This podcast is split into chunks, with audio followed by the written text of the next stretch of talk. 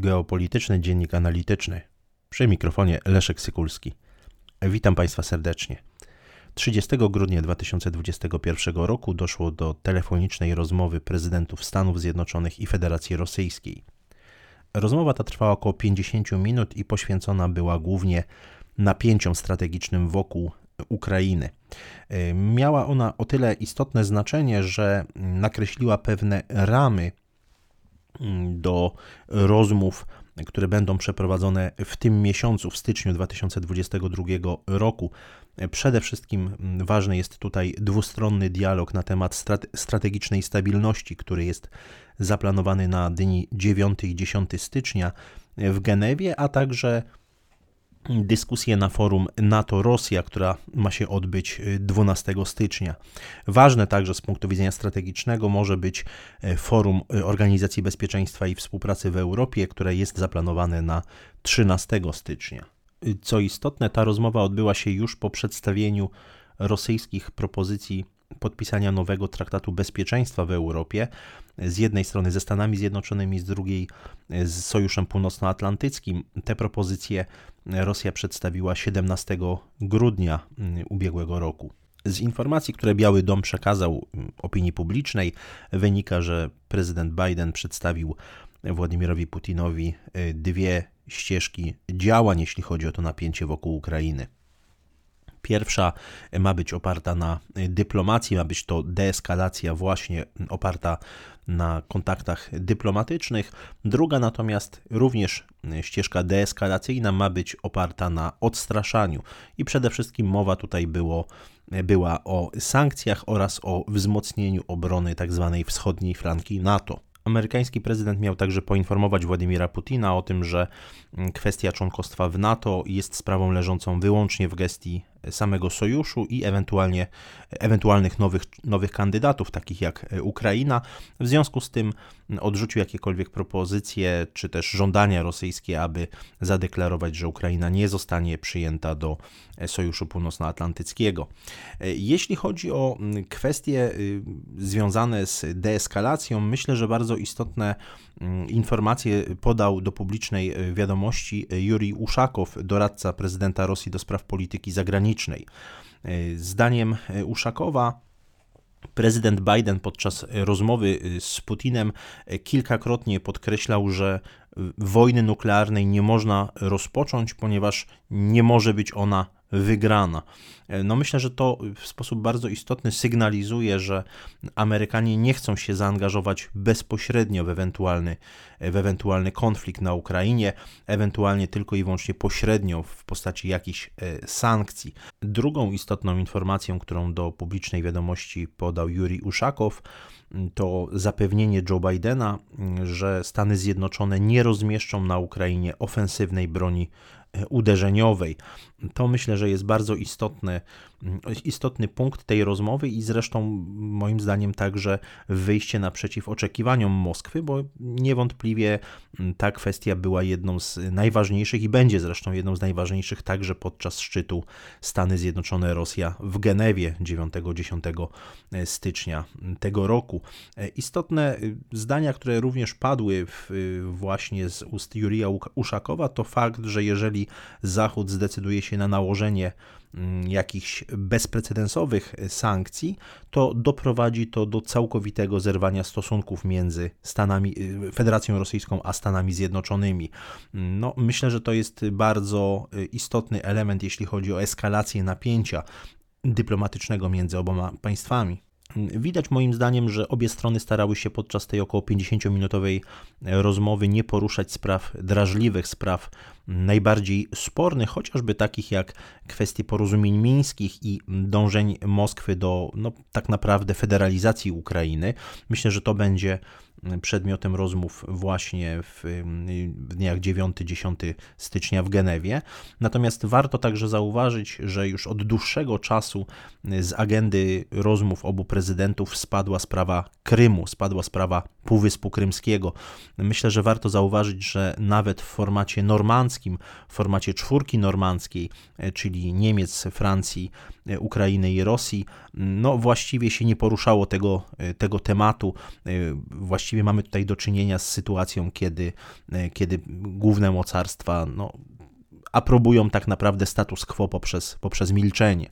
To myślę, że jest bardzo istotne i potwierdza mm, politykę realną i no, można powiedzieć aktualność polityki realnej w stosunkach międzynarodowych gdzie tak naprawdę decydują, decydują fakty dokonane, metoda faktów dokonanych i kwestia mm, prawa międzynarodowego schodzi po prostu tutaj na dalszy, na dalszy plan. W mojej ocenie po tej, po tej rozmowie można się spodziewać mm, pewnych ustępstw amerykańskich, jeśli chodzi o mm, negocjacje z Rosją.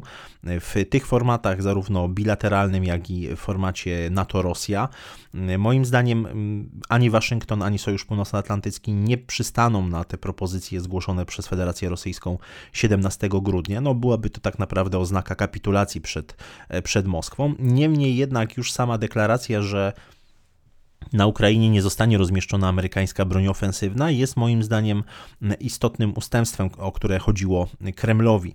W mojej ocenie y, Moskwa nie wycofa się z takich dążeń do realizacji porozumień mińskich, a przynajmniej do wdrożenia formuły Steinmeiera.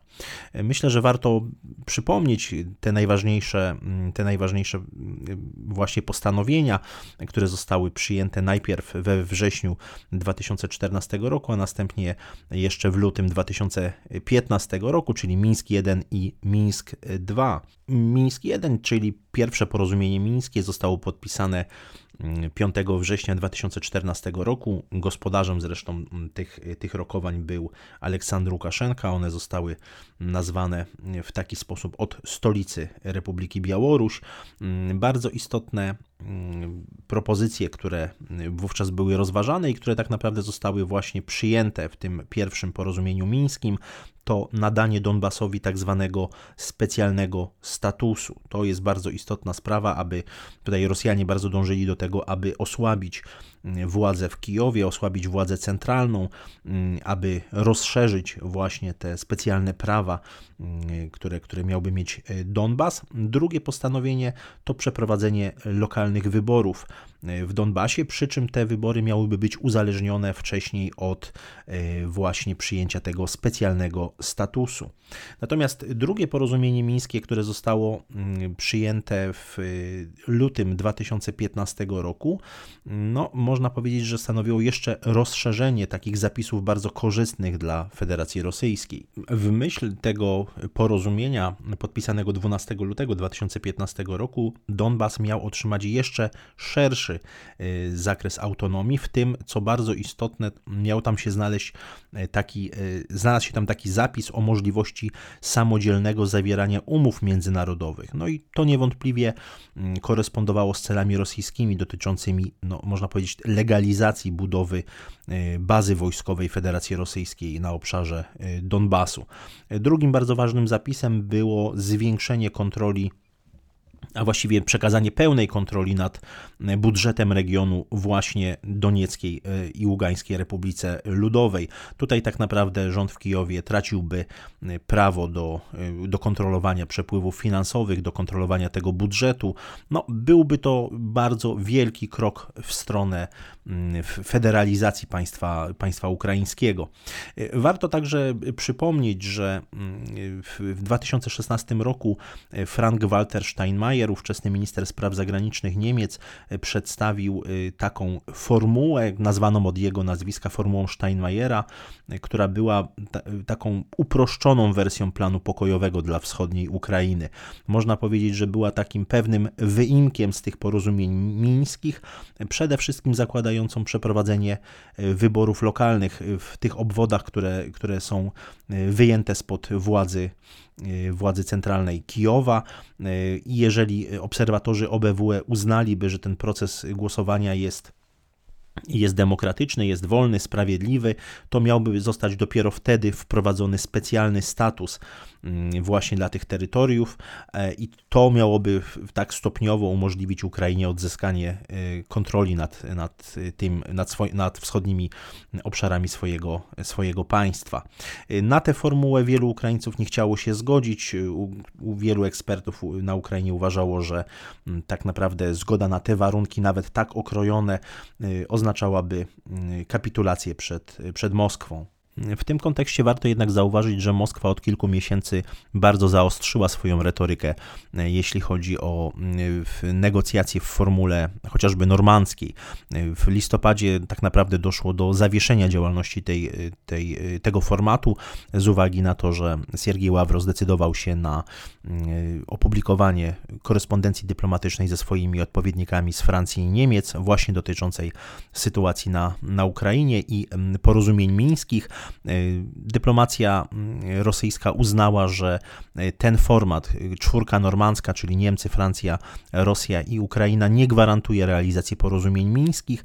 I nawet nie tyle tutaj, można powiedzieć, odeszła od kwestii formuły Steinmeiera, co po prostu stoi bardzo twardo na, na gruncie tych, tych porozumień mm, z 2014 i 2015 roku co byłoby w tej konfiguracji politycznej, zarówno wewnątrzpolitycznej, jak i zewnętrznej, dla obecnego prezydenta mm, Ukrainy, no, decyzją no, niezwykle y, kosztowną politycznie, to znaczy zgoda na jakiekolwiek wdrożenie tych, tych porozumień mińskich, y, myślę, że skończyłaby się y, wzmocnieniem bardzo, bardzo silnym opozycji wobec Wołodymira Zełenskiego i w, jeśli chodzi o ten krajobraz oligarchiczny, jak i o środowiska nacjonalistyczne, w sporej części także kontrolowane przez niektórych oligarchów. Niemniej jednak widać, że dzisiaj Niemcy i Francja nie mówią tutaj jednym jednym głosem ze Stanami Zjednoczonymi, jeśli chodzi o kwestie porozumień mińskich. Zresztą nie ma ani w Berlinie, ani w Paryżu takiej woli politycznej, moim zdaniem, a do trzymania twardego kursu i chociażby niezgody na wdrożenie tych porozumień z lutego 2015 roku. Myślę, że Moskwa wykorzystuje tę słabość i brak jedności tutaj kolektywnego Zachodu, że tak to określę, i jest tutaj pojawia się kluczowe pytanie, czy w tym okresie od 9 do 13 stycznia dojdzie do jakichś ustępstw strony amerykańskiej wobec Rosji, jeśli chodzi o kwestie porozumień mińskich. Myślę, że to będzie bardzo istotny element, jeśli chodzi w ogóle o kształtowanie się nowej architektury bezpieczeństwa w naszej części Europy. Dziękuję Państwu za uwagę.